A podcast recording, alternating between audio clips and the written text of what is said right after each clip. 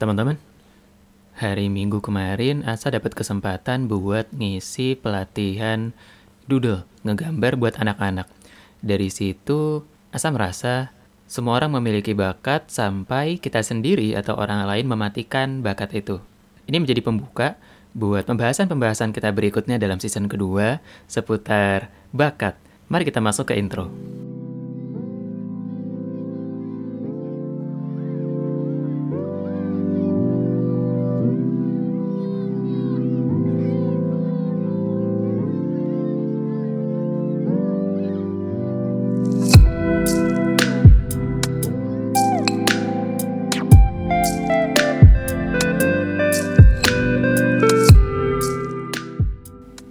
Halo teman-teman, selamat pagi. Jumpa lagi dalam podcast Bicara Asa.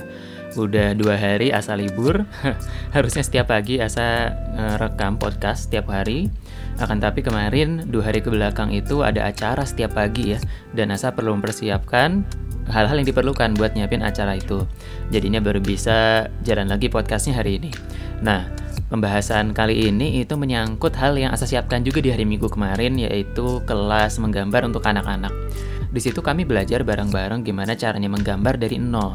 Dan kesimpulan yang Asa dapatkan saat itu, benar kata para ahli atau motivator ya, kalau setiap anak itu kreatif, setiap anak itu punya potensi, sampai suatu ketika dirinya sendiri atau orang lainlah yang mematikan potensi itu, yang mengubur dalam-dalam bakat yang dia punya.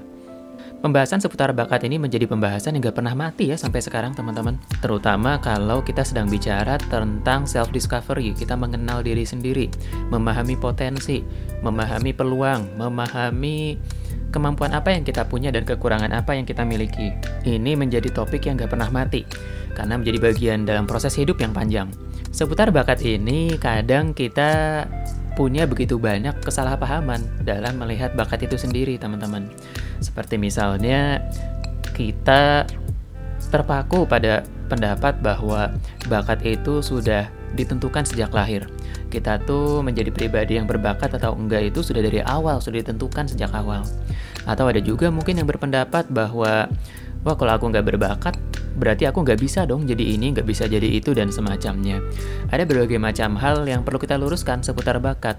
Nah, kemudian nanti juga kita di sini akan membahas seputar bagaimana caranya kita bisa bereksperimen mencari tahu potensi terbaik kita, bakat-bakat kita. Kemudian kita akan mencari tahu juga di sini bagaimana caranya kita mengetahui aktivitas yang kita lakukan ini bakat atau bukan ya. Ini hal yang istimewa atau hal yang biasa aja? Nah, kalau misalnya teman-teman selama ini punya pertanyaan seperti itu, gimana caranya nemuin bakat, gimana caranya mengenal diri sendiri, menemukan mana potensi dan mana kekurangan, maka season kedua ini menjadi season yang tepat banget buat teman-teman untuk memahami bagaimana potensi diri dalam hal artian bakat. Kita akan pelajari hal-hal apa aja yang sesat gitu ya dalam memahami bakat-bakat dan hal apa aja yang perlu kita pertimbangkan ketika kita ini sedang dalam tahap mencari potensi diri kita. Dalam hal ini Asa berbicara sebagai seorang mungkin praktisi talent mapping ya karena Asa mempelajari seputar bakat ini udah lama banget seputar potensi diri Nah, nanti akan Asa bandingkan perspektif dari talent mapping ini dengan perspektif dari berbagai macam teori umum yang sudah ada di zaman sekarang.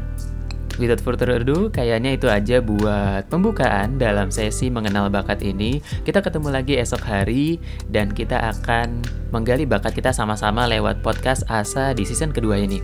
Terima kasih sampai jumpa esok hari. See you next time.